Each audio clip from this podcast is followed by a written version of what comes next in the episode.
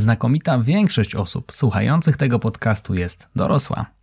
Jak oceniasz swój poziom wiedzy, na przykład o finansach osobistych, komunikacji, zdrowiu czy prawie?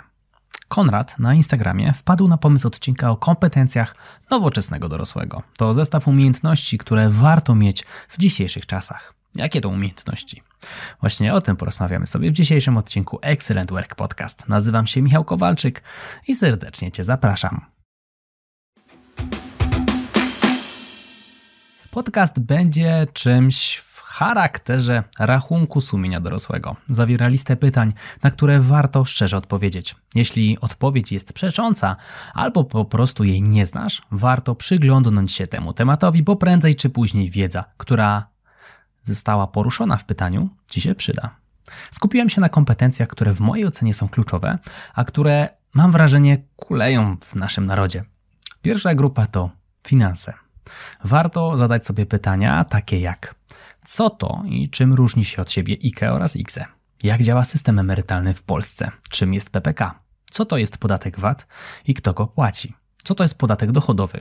Jakie są jego rodzaje? Którym rodzajem opodatkowania jestem rozliczany?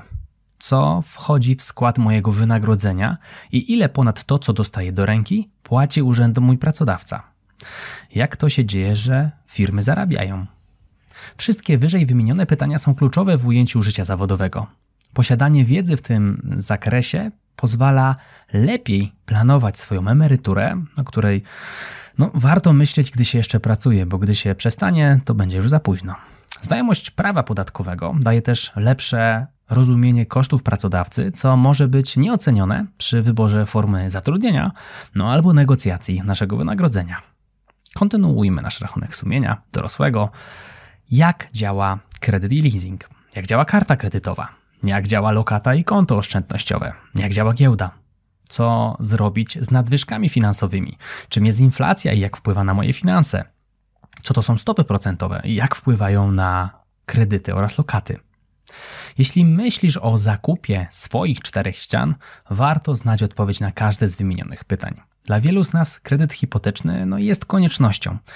Wiążemy się na długie lata, więc warto świadomie podjąć decyzję, no i uwzględnić świadomie również te parametry zadłużenia, którymi można w pewien sposób sterować. Gdy zarabiamy zaś więcej niż wydajemy, warto dowiedzieć się, co zrobić z gotówką, aby nie stracić jej przez inflację albo nieznajomość ryzyka inwestycji, której się podejmiemy. Nie mam tutaj na myśli przejściowego stanu inflacji, czyli to, co obecnie dzieje się na świecie około 10%. Docelowa inflacja dla Polski to 2%, a więc w skali lat nawet taka stosunkowo niska wartość w odniesieniu do tego, co mamy obecnie, również znacząco wpływa na obniżenie siły nabywczej naszych oszczędności, więc warto dbać o to, aby chronić je przed inflacją, nawet tak niską jak ta dwuprocentowa. Tymczasem pora na kolejną grupę. Prawo. Jakie są moje podstawowe prawa konsumenta? Kiedy mogę zwrócić produkt? Kto ponosi koszt reklamacji? Czym różni się reklamacja od rękojmi? To zaledwie kilka pytań, które w dobie zamawiania towarów w sieci są kompletną podstawą do dbania o swoje. Warto zgłębić mocniej ten temat. Idąc dalej, jakie w Polsce mamy formy zatrudnienia? Jakie dają przewagi? Jakie wiążą się z nimi ryzyka? Na jakich zasadach wyliczają mi dni urlopu? Jaki mam okres wypowiedzenia ze względu na czas pracy? Nie będę wspominał, jak ważna jest znajomość odpowiedzi na te pytania, czy to z punktu widzenia podejmowania nowego zatrudnienia, czy to ze względu na zmianę miejsca pracy. Przejdźmy do kolejnej grupy, którą nazwałem samoświadomością. Są tu pytania takie jak: jakie są rodzaje emocji? Jak radzę sobie z trudnymi emocjami? Jakie sytuacje mnie denerwują i dlaczego? Jak radzę sobie ze stresem? Jakie zdarzenia i myśli powodują u mnie ten stres? Co mnie relaksuje? Kiedy potrzebuję relaksu? Jakie są moje słabe strony? Chcę je zmienić, czy je akceptuję? Jakie są moje mocne strony? Wszystkie te pytania będą wpływać na to, jak będzie ci się żyło z samym sobą oraz jak będziesz się rozwijać jako jednostka. Odpowiedzi, których możesz poszukać, przydadzą ci się niewątpliwie w lepszym rozumieniu siebie, a także skuteczniejszym samodoskonaleniu, co może przełożyć się na szybszy rozwój Twojej kariery. Pora na kolejną grupę. Tym razem komunikacja. A tutaj mamy następujące pytania. Czy umiem uważnie słuchać innych, wychwytywać ich potrzeby z rozmowy? Czy umiem precyzyjnie nazywać i wyrażać swoje myśli oraz emocje? Czy umiem precyzyjnie wyrażać swoje oczekiwania co do projektów? No i tutaj wyjaśnię, czyli na przykład, nie wiem, komunikacja malarzowi, jakiego rezultatu oczekujesz? Czy umiem wyegzekwować od innych konsekwencje w działaniu? Tutaj chodzi o dotrzymanie przez innych terminu, a w razie jego braku tego dotrzymania, komunikację, która spowoduje, że oni nie zapomną o zrobieniu tego, do czego się zobligowali. Czy umiem stawiać jasne granice bliskim, na przykład rodzicom, małżonkowi, a także znajomym czy nawet przełożonym? Czy umiem wypracować kompromis? Czy umiem się przyznać do błędu? Czy umiem zmienić zdanie w rozmowie? Czy umiem powiedzieć do drugiego człowieka przepraszam, ale także kocham cię? Czy wykazuję szacunek do różnorodności świata i kultur? Ale także czy umiem stanąć w obronie tego szacunku względem mojej kultury? Czy nie boję się rozmawiać o swoich przekonaniach, w tym na przykład o wierze? Czy wykazuję umiejętności krytycznego myślenia? To znaczy, no wiesz, no nie brania za pewnik wszystkiego, co usłyszysz w sieci lub od innych. W tej grupie jest dużo trudnych pytań, których przepracowanie może zająć Ci lata. Efekty pracy nad powiedzeniem tak w każdym z nich są w mojej ocenie warte wysiłku. To świetny zestaw ułatwiający życie na każdej płaszczyźnie i w społeczeństwie, i w rodzinie, czy w środowisku pracy.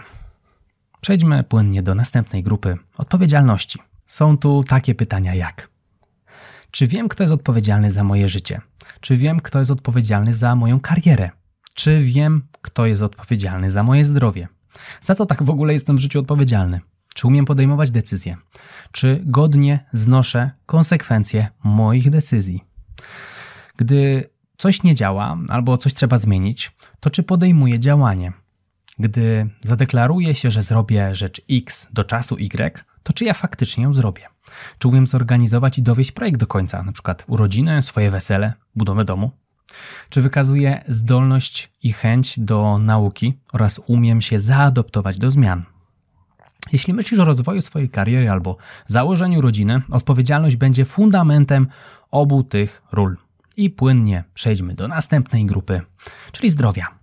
Każdy z nas powinien znać odpowiedź na podstawowe pytania, e, można powiedzieć dietetyczne, kalibru, co to są węglowodany, co to są tłuszcze, co to są białka, jakie są ich rodzaje, jakie ilości ich warto spożywać dziennie, co łączyć z czym, czym jest bilans kaloryczny, ile mniej więcej potrzebuje kalorii przy obecnie mojej wadze i ruchu, jak to się dzieje, że człowiek chudnie oraz że tyje, co robić, aby zmniejszyć szanse na zawał, udar, zator albo cukrzycę.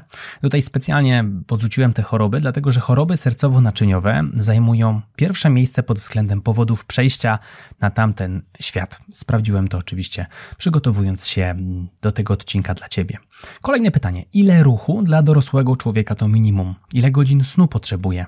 Dlaczego koniecznie muszę się badać przynajmniej raz w roku? To jest kompletne minimum, żeby diametralnie zwiększyć swoje szanse na dłuższe życie w zdrowiu. No i jasne, powiesz choroby, genetyka, wtedy wróć do mm, sekcji odpowiedzialność i tam jest takie fajne pytanie, kto jest odpowiedzialny za Twoje zdrowie?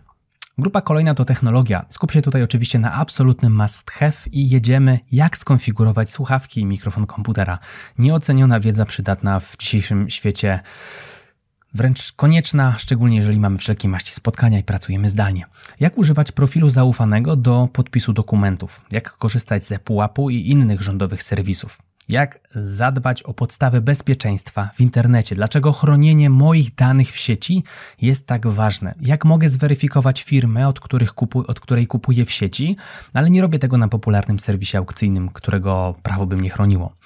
Jakie zagrożenia niosą ze sobą media społecznościowe? W jaki sposób mogę sobie ten wpływ zły, niewłaściwy, szeroko pojęty wpływ mediów społecznościowych ograniczyć?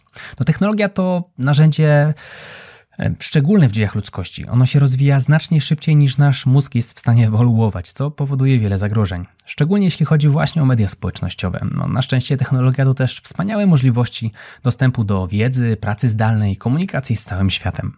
No i tutaj co do nauki online, jeśli chcesz poszerzyć swoje horyzonty w pracy z Excelem, sprawdź stronę www.naukaexcela.pl. Znajdziesz tam moje kursy, link jak zawsze w opisie odcinka. Wierzę, że udało Ci się odpowiedzieć tak na większość pytań, które tutaj padły. Jeśli nie, wierzę, że odcinek skłonił Cię do refleksji. A jeżeli Ci się podobał, wyślij go proszę do jednej osoby. Mówił dla Ciebie Michał Kowalczyk, a to był Excellent Work Podcast. Do usłyszenia, no i do zobaczenia w kolejnym odcinku. Trzymaj się, hej!